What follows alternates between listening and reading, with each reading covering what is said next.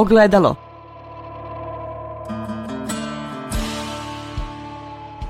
Podcast Autonomije.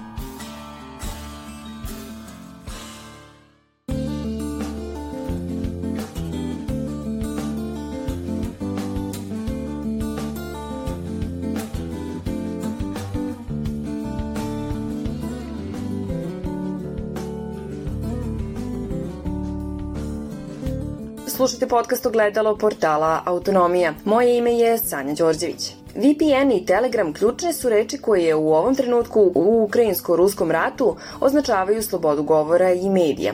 Građanima se pored virtualne privatne mreže i enkriptovane aplikacije za dopisivanje preporučuje i korišćenje Tor internetskog pretraživača koji se koristi za pristup dubokom internetu, jer zbog sistema koji štite privatnost i podatke korisnika gotovo da je nemoguće kontrolisati i sankcionisati korisnike. Osim zapadnih medija cenzurisanih u Rusiji, ove zaobilaznice cenzure svojoj publici preporučuju i ruski mediji cenzurisani na zapadu. Ruska vlast donela je zakon kojim se do 15 godina zatvora kažnjava svako objavljivanje na društvenim mrežama, novinskom tekstu ili programu ukoliko se sukob sa Ukrajinom nazove ratom, na šta po ovom zakonu treba referirati sa specijalna vojna operacija. Dva dana ranije ugašeni su ruski nezavisni mediji Radio Eho Moskve i televizija Dožd. Nezavisne novine Nova Gazeta povukle sve tekstove koji se tiču rata. Pod pretnjom ovog zakona mnogi zapadni mediji povukli su svoje novinare iz ove zemlje, nastavljajući da prenose vesti na ruskom jeziku, samo van granica.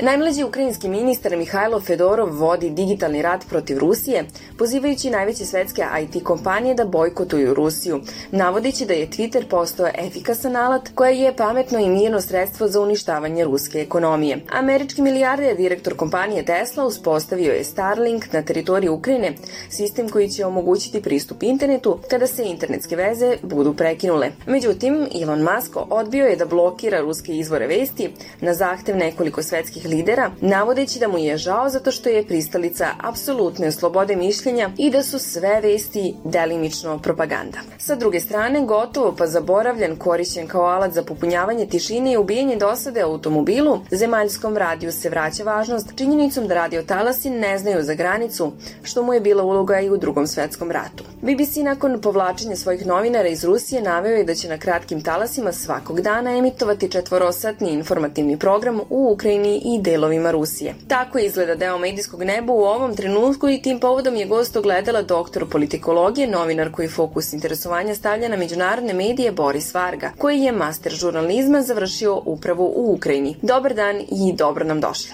A, dobar dan, hvala na pozivu. Koliko je opravdano cenzurisati cenzore, kako na zapadu nazivaju ruske medije? E, da li je to na neki način licemerno? Pa mislim da nije. Lično tu imam nešto tvrđi stav interventnog tipa. A, ključna reč za ovakav stav je rat.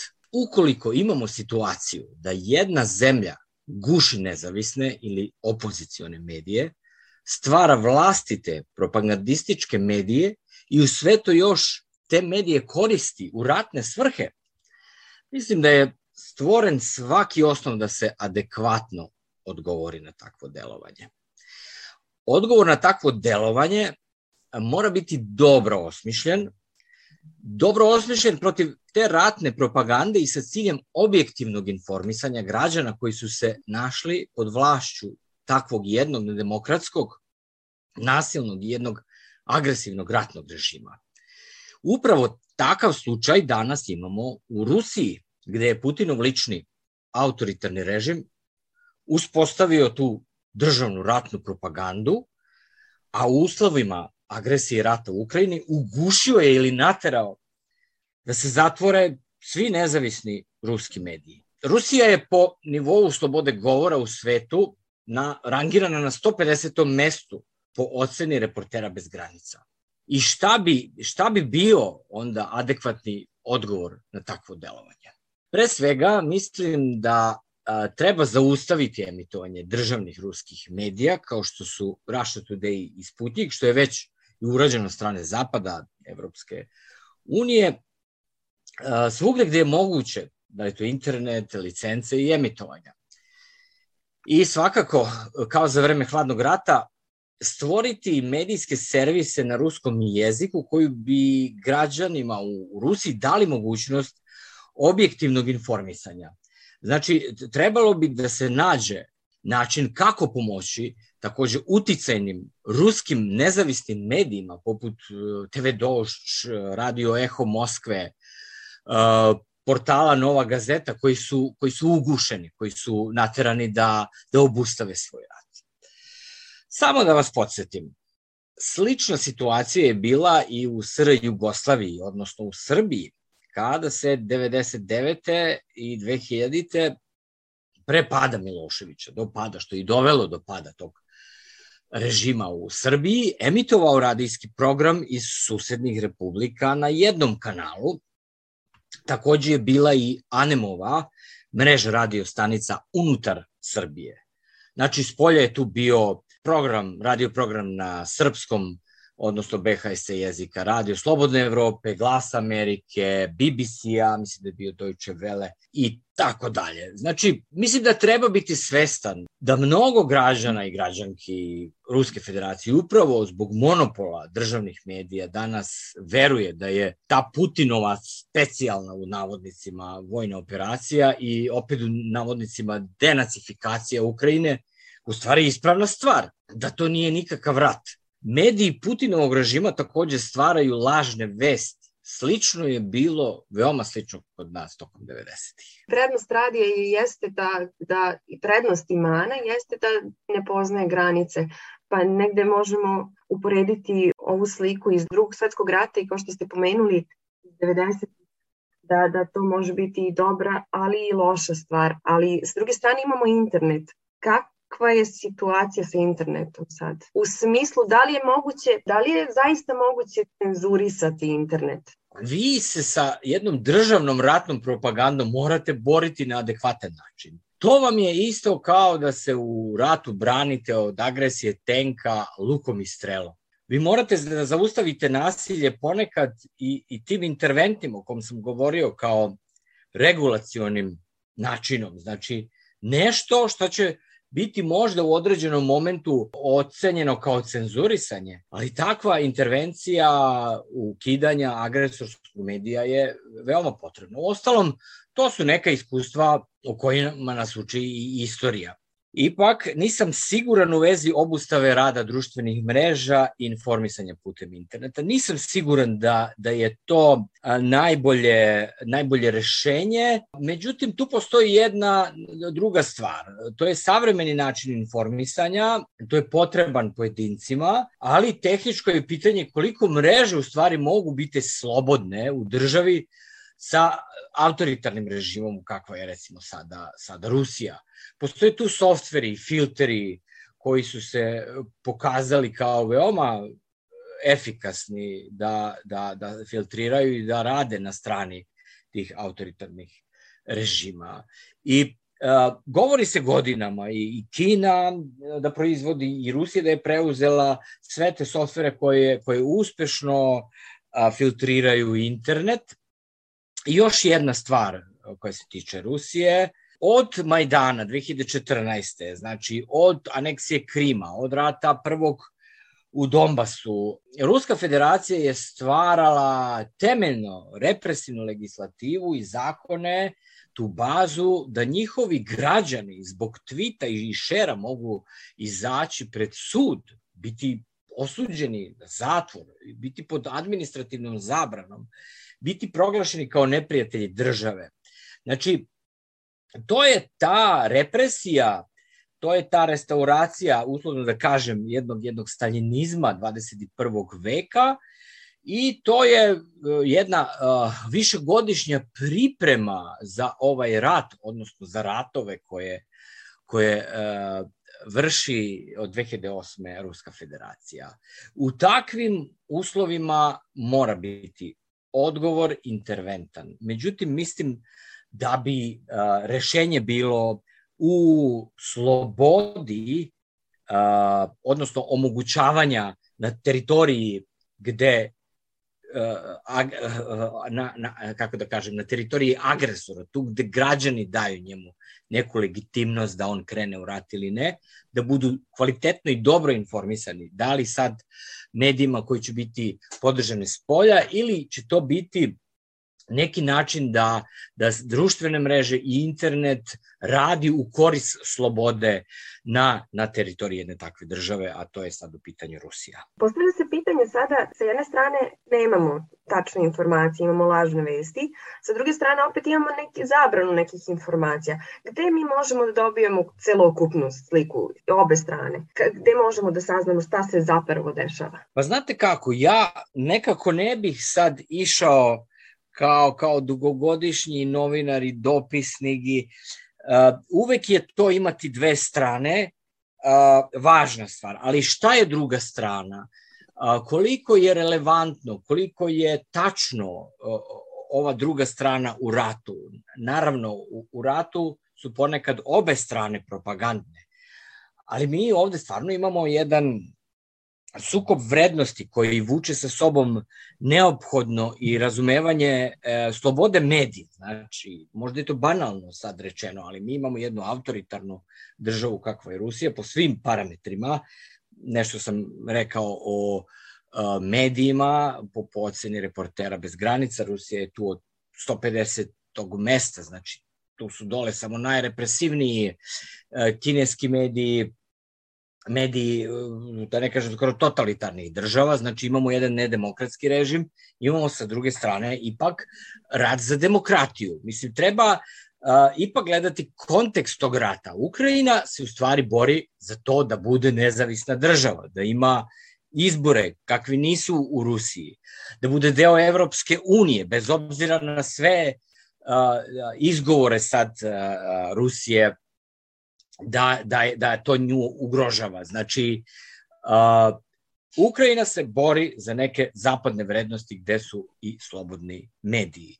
I ta strana je nekako relevantnija svakako, međutim i, i, i e, na, na toj strani ima različitih medija, od onih koji e, propagiraju i, i nose jedan, jedan, jedan duh, e, kako da kažem, odbrane, ukrajinski mediji, i oni su, mislim, daleko objektivniji, sad vidjet ćemo istraživanja e, do, do kraja, ali u jednim takvim uslovima mi ne možemo da očekujemo ne znam kakvu sada uh, perfektnu objektivnost u, u uslovima rata, ali sa druge strane vi imate jedan medij koji je, da ne kažem, uh, etimologija ruski mediji i njihova fake bot, bot fabrike koji već godinama proizvode. Tako da ja tu sad ne bi, ne bi uzimao olako strane, evo damo jedan zapadni medij, evo damo jedan a, ruski medij, pa imamo neku, neku istinu. Mislim da je a, uvek neka strana druga kada, kada govori Rusija, njihovi zvaničnici su tu, njihova saopštenja državna i ministarstva e, e, država, znači spoljnih poslova uglavnom, ali sve ono što se tiče medija, ja bi to uzimao sa ogromnom rezervom. Ruski mediji, shvatimo to, su zatvoreni. Znači, početkom marta, još do marta su od 24. februara, kada je počela agresija Rusije na Ukrajinu, znači još su nekako uh, radili, ali do, u, po početak marta, mislim da je treći ili četvrti, oni su i Dož, i Eho Moskva, i Nova gazeta, svi ti koji su najuticajni, oni su zaustavili rad. Što, što pod pritiskom, što samo inicijativno, ali ništa tu nema samo inicijativnog. Sve je to jedan pritisak i vi nemate u Rusiji drugu stranu. Znate, to je, to je ono što mnogi, mnogi mediji kod nas uzimajući izvore ovih i onih e, često upadaju u tu zamku fejka. Tako da u svemu ovom rekao bih da je, da je druga strana ruska zvanična politika, jer sve sada radi u cilju te propagande, a sa ove recimo ukrajinske ili zapadne strane, ako ćemo banalizovati, tu imate raznih servisa, ako pitanje je bilo kako stvoriti realnu sliku o svemu tome. I mislim da su kvalitetni ti međunarodni e, servisi, posebno BBC, Deutsche Welle i e, na, na to je pa čak i uh, Slobodna Evropa, Glas Amerike, uh, vi tu možete da, da, da, da kombinacijom svih tih medija, pogotovo uh, lokalnih uh, servisa, znači BBC na ruskom, BBC na ukrajinskom, su stvarno uh, zahvalni za praćenje kompletne te. I mogu da kažem, kao neko ko govori ukrajinski, njihovi mediji, ukrajinski mediji su stvarno aktivni i evo, već 20 dana ih, ih pratim, detaljno ih pratim i kvalitetni su, brzi su, rade noć i dan. I a, svakako da, da koristeći sve te izvore vi možete da imate jednu kvalitetnu, realno, objektivnu u odnosu na to šta je objektivnost po nekoj svojoj teoriji sliku o ratu u Ukrajini. Znači, možemo da, naj, da, da kažemo da su ukrajinski mediji u ovom trenutku objektivni? Jesu. Jesu, objektivni su, izdvojio bi recimo Ukrajinska pravda kao jedan medij koji je, naravno državni medij, vi morate da očekujete slušajući državne medije da, da, tu, da tu ima svoj diskurs te, te, te državne propagande, ali da su u uslovima rata objektivni koliko mogu. Mislim, koliko su, kako da kažem, u takvim uslovima to u mogućnosti. Koliko rat dopušta. E, pomenuli ste sukob, sukob vrednosti. Negde je medija krenulo da se napada i kultura. E, kome je kultura kriva i čemu to? Pa znate šta, to za kulturu, to su stvarno, ja mislim da tu ne postoji neka uh, državna politika ili uh, neki stav velikih sila zapadnih da se zabrani ruska kultura, kultura uh, jedne politike agresora. Mi moramo da razdvojimo, uh, ovde je agresor Rusija, ali ovo je Putinov lični rat i rat jedne klike ljudi u Rusiji koji su na vlasti od 2000. godine, koji su krenuli tim militantnim putem, koji su lobotomizovali upravo o svemu ovom što pričamo, a, a ruski narod, nije to prvi put, znate, mi imamo Nemačku 30-ih, imamo Srbiju, Srbiju, Jugoslaviju 90-ih. Svi smo mi bili delimično 90-ih ko, je, ko se prisjeća medija lobotomizovani, mi smo bili manipulisani. Uh, tako da, uh, kako da kažem, to je jedna uh, militantna, otuđena autoritarna klika koja trenutno preti regionu, napada susedne države i ja ne bih rekao da to ima ne ikakve, nego direktne veze sa ruskom kulturom. Naravno da, da je ruska kultura ta koja će stradati, jer svi konzumenti koji pate, oni će odbaciti sve što je rusko i to su neke, neke reakcije koje nisu opravdane, ali koje su svakako u jednim ratnim uslovima uvek viđene. A, ako postoji neka cenzura ruske kulture ili odbacivanje ili gaženje, to je nešto što ne bi trebalo biti dopustivo, ja tako mislim. Konstantna ruske kulture jeste konstanta zdravog razuma i civilizacije i ona će pobediti. Ona će pobediti i u ukrajinskom ratu i vidjet ćete, ta konstanta kulture, civilizacije i banalno reći dobra, ona će pobediti i u Rusiji, pobedit će tu kliku, da li to ranije ili kasnije. Negde ti e, pritisci koji nemaju direktne veze sa ratom, mož, mogu da posluže da se na, narod Rusije istera na ulici i protestuje. E sad je pitanje koliko zapravo ti protesti imaju ikakav uticaj na politiku države. Pa znate šta, imaju. Ja sam ipak optimista i za mene su ti ljudi koji su izašli i pre, ned, pre nedelju dana, kažu više od 5000, neko kaže 4,5, neko 5, neko 9, uh, u tih 50-60 gradova Rusije, sad su ti protesti takođe bili u nedelju, ali nešto manji, a, meni je to ogromno herojstvo tih ljudi. Znate, u jednom represivnom režimu gde vi gledate sliku, vi, vi možete da vidite sliku te policije iz naučno-fantastičkih naučno -fantastičnih filmova koji, koji dolaze i, i, i te mlade ljude, krke ljude, njih sedam, sedam policajaca nosi E, jednog e, demonstranta, to je strašno, znate, to je jedna e, slika represije koja se namerno šalje u Rusiju kako bi se obeshrabrilo sve ostale, sve druge i verovatno ona i daje neke rezultate sada. Međutim, srednjoročno, dugoročno, to su stvari koji, koji negde jer ako negde, kako da kažem, u podsvesti ljudi opet šalju poruku da kakav je to taj naš ta, ta naša vlast ako vrši represiju protiv onih koji protestuju za mir i protiv rata. Znate, to je istovremeno jedna poruka s polja da je Rusija spremna da, da ne samo vrši agresiju na susedne države, da preti zapadom, nuklearnim oružjem, da preti hemijskim oružjem, već da preti i unutra. Znači da je to jedan režim koji je stvarno rešen na, na da, da bude totalitaran u, u tom 21. veku. Međutim, rekao bih da vremenom takve slike e, će sigurno raditi protiv protiv Putina. Ti ljudi su, još jednom kažem, heroji.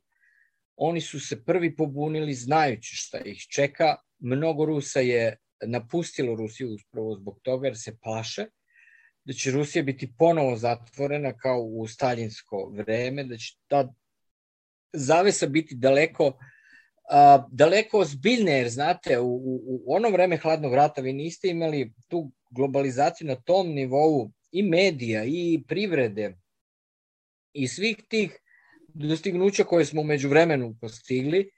E, bez svega toga je za, za dve nedelje e, ostala Ruska federacija, ljudi beže iz jednog takvog režima i protest je važan. Protest je važan kao, kao povod za promenu režima, kao pritisak na Putinov režim da a, zaustavi agresiju ne samo na Ukrajinu, već i na sve okolne države koje smatra a, neprijateljima i iz kojih vidi a, svoje neko ugrožavanje. A, i, I tu taj neki, kako da kažem, strah, tu neku pretnju. A, jako je važna ta slika pobune u Rusiji koja je možda čak i veća nego u Srbiji 90.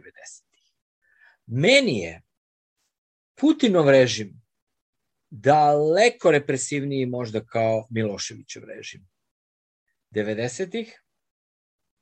Međutim, otpor ratu u Ukrajini, koji je usmeren na ipak na jedan bunt protiv intervencije protiv bratskog naroda, tako jedni druge smatraju, barem Rusi smatraju Ukrajince kao nekog mlađeg brata, ponekad nestašnog, ponekad onakvog da treba da ga se kazni, ali ne takvim krvoprolićem. Znači, jedan takav bunt je važan. Ja mislim da je još važan za jednu stvar. Važan je za jedan za osnove a, carskog prevrata, onako metaforično bi rekao, a, jer mi do sada sve promene u Rusiji koji su bile, pa čak i oktobarska revolucija, a, jesu u stvari dvorski revolucije i prevrati. Znači, nikada to nije bilo niti na izborima, niti to nije bio nekakav bunt, to je bilo svrgavanje na razne načine,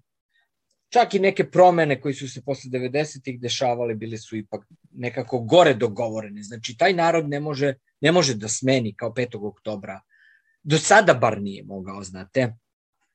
I to su te šarene revolucije o kojima u Srbiji govore i ministar Vulin i dolazi tu, dolaze ruski zvaničnici, činovnici koji uh, poturaju u Srbiji jedan dokument e, strategije borbe protiv tih šarenih revolucija koje, koje su se dobro razvile u Srbiji 5. oktobra i od kojih se Rusija plaši. Ona sad i treba da se plaši jedne takve revolu, re, revolucije, izvinite, jer to njoj stvarno ugrožava. Ali ko su stvari stvarni akteri promena? Stvarni akteri e, promena su službe bezbednosti, vojska i jedna, jedna nova kategorija, a to su oligarsi, koji su ostali bez svojih sredstava, bez svojih imanja, bez svojih jahti, bez svojih vikendica koji su toliko voleli na zapadu i sve to ugrožava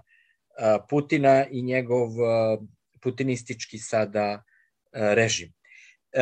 Nadajmo se promenama, nadajmo se promenama koje će barem prividno biti onakve da su ih i sami ljudi, građani e, Rusije koji su obmanuti, koji su izmanipulisani i, i tome doprineli, odnosno borili se za slobodu. Rusima je sada na redu,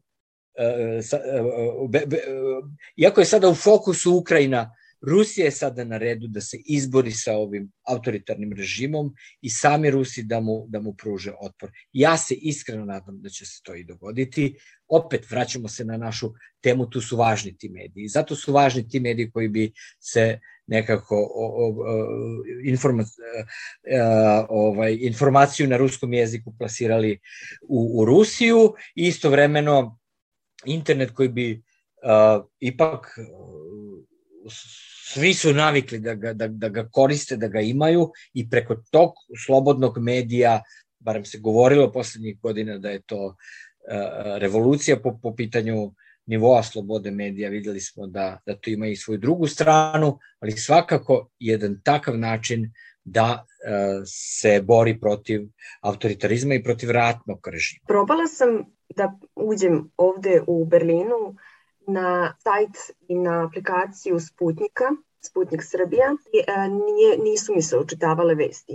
S druge strane, u Srbiji mogu redovno da čitam ove vesti. Predsednica Saveta Rema Olivera Zekić rekla je da neće sankcionisati ruske medije. Da li se ovime naše medijsko nebo kvalifikuje kao otvorenije, slobodnije? Ne nikako. Naše medijsko nebo Srbije podržava ratnu rusku propagandu i svrstava se na stranu Rusije. To ne samo da nije principijelno u odnosu na deklarisani stav Srbije da želi postati deo Evropske unije, da želi biti demokratska zemlja i tako dalje. To je neprincipijelan stav vlasti Srbije u odnosu na ono što su sami doneli i odredili se da osuđuju bilo koju agresiju na susednu zemlju. Nisu govorili možda o Rusiji i Ukrajini, ali svakako da, da to je bilo implicitno, ali veoma direktno da su oni osudili da su da podržali teritorijalnu celovitost Ukrajine i što su i do sada činili u vezi Krima, jer su morali zbog Kosova, bez obzira na, na te veoma bliske režimske veze Beograda i Moskve, pogotovo naprednjaci i jedinstvena Rusija, odnosno Putin i, i Vučić.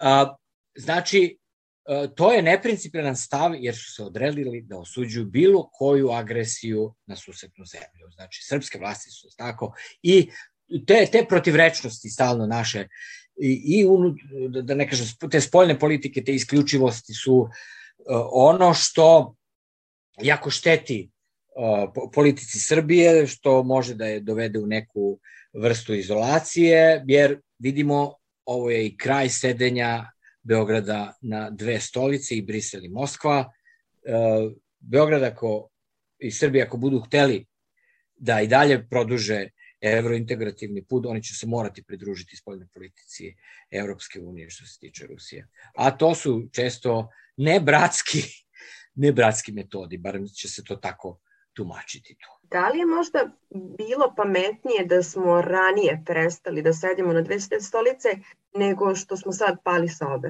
Mislim da niko nije očekivao ovakve razmere rata i ovakav sukob koji je otvorio novu stranicu evropske istorije. Znači, to je kraj postkomunizma. E, mnogi su zatečeni, ja čak mislim da je i izvaničan Beograd zatečen onim intenzivnošću rata, agresije i e, razvojem uopšte međunarodne situacije u, u, oko, oko Ukrajine. Znači, tog jednog homogenizacije Zapada, Zapad koji e, nije toliko odlučan da brani Ukrajinu koliko se plaši za sebe i on u Ukrajini plaši se i svestan je toga da je rat protiv Ukrajine rat protiv zapadnih vrednosti Zapada. Tako da trenutno vlasti u Srbiji pokušavaju da izvedu do kraja izbore u tom nekom mirnom, koliko toliko izbalansiranom stavu i, i koliko toliko ne zamerajući se Rusiji, a istovremeno priklanjajući se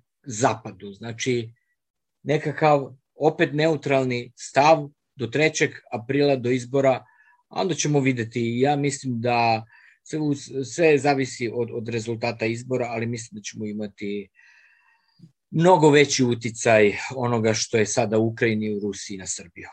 I e, takođe očekujem da će biti mnogo veći odgovor e, Zapada na ono što se dešava na Balkanu i u Srbiji. Koliko je važno u ratnim okolnostima ostati objektivan uprkos jakim pritiscima? Pa uvek je važno. Uvek je najvažnije. E, ako mogu tako da kažem, mi, mediji, e, novinari, urednici, e, mi moramo biti taj glas razuma. Znači, bez obzira koliko nam je teško, koliko gledamo sve te slike, koliko shvatamo da je da je to nešto što nas pogađa, mi moramo ipak preneti jednu sliku ne koju bi mi želeli, nego koja je trenutno na, na terenu i moramo da zaustavimo, da se borimo aktivno protiv sveta postistine. Nema postistine. A, treba se boriti za, za, za objektivno novinarstvo koliko je to moguće, jer i to je jedna veoma filozofska kategorija.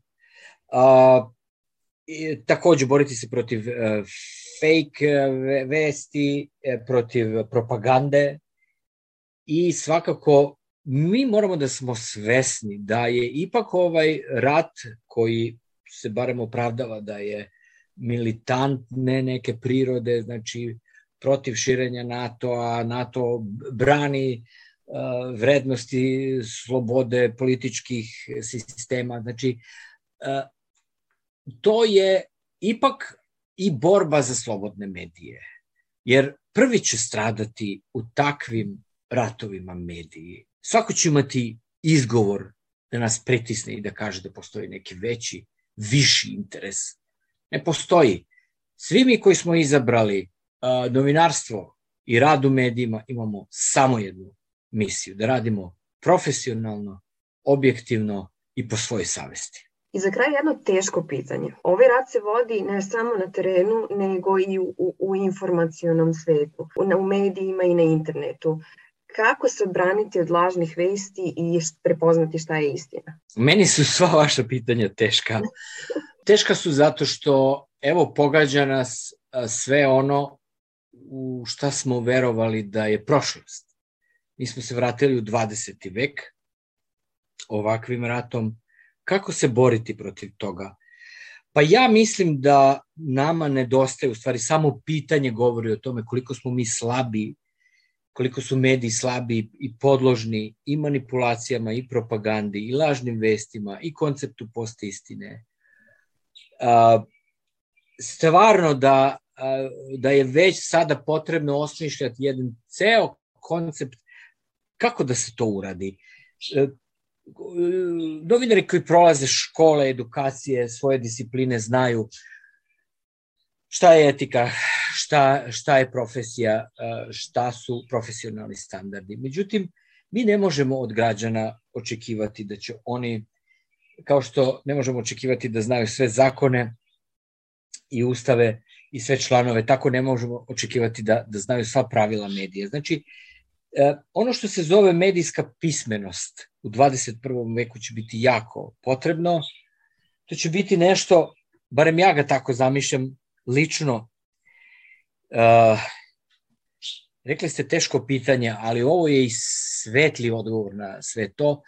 To je jedna medijska higijena, jedan, jedan, jedna medijska pismenost koja bi trebala da se plasira negde u školama, uh, kao što smo imali nek, neko građansko vaspitanje koje smo videli da je važno, sada će biti važna ta medijska pismenost, bit će važna na javnim servisima. Bilo bi dobro da, da, da, da ti, opet ja kažem da sam pristalica regulacije, veće regulacije i veće intervencije. Znači regulacije u smislu medija, a intervenciju u smislu agresivnih i propagandnih medija. Mislim da, da, da je dobro stvarati javne servise koji bi uh, provodili e, te, te neke osnove medijske pismenosti, upućivali nas kako da znamo da se ponašamo, ne samo u medijima, jer vidite, ovi konvencionalni mediji, e, televizija, radio, sve ono e, nekako se transformiše u, u mrežu centrične sisteme, razbija se u, u male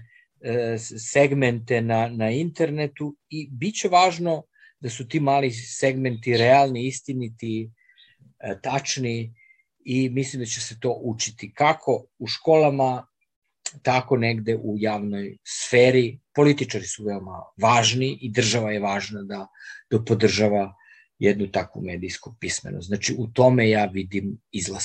Hvala vam što ste bili gost gledala. Hvala vama na pozivu. Ogledalo.